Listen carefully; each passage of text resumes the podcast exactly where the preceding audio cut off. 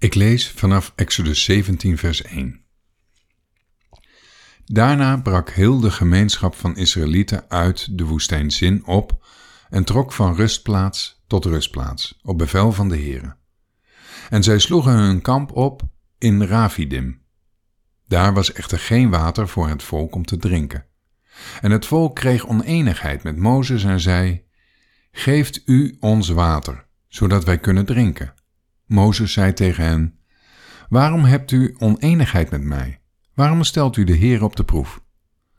Het volk smachtte daar naar water.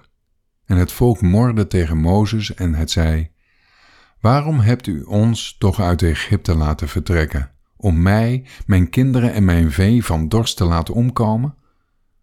Toen riep Mozes tot de Heere: Wat moet ik met dit volk doen? Het scheelt niet veel of zij zullen mij stenigen. De Heere zei tegen Mozes: Trek voor het volk uit en neem enkelen van de oudsten van Israël met u mee. Neem uw staf waarmee u de Nijl sloeg in uw hand en ga op weg.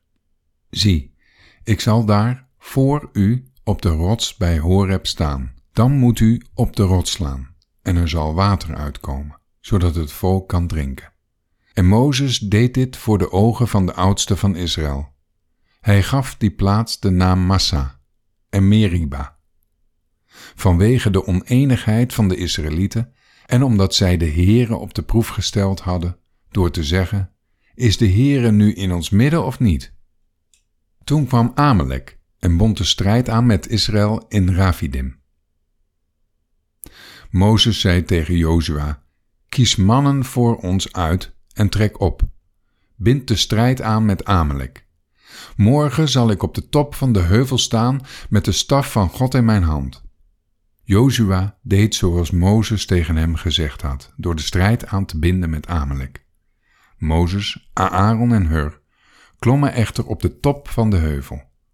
En het gebeurde als Mozes zijn hand ophief, dat Israël de overhand had.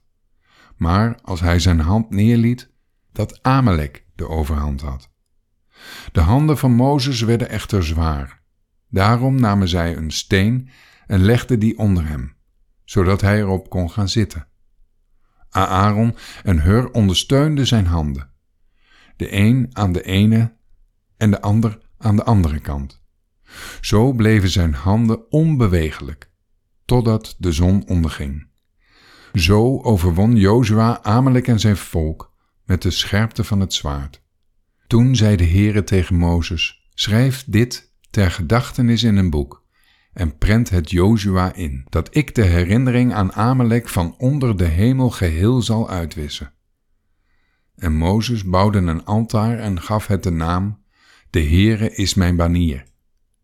Hij zei, voorzeker, de hand op de troon van de Heere, de strijd van de Heere zal tegen Amalek zijn, van generatie op generatie. Tot zover.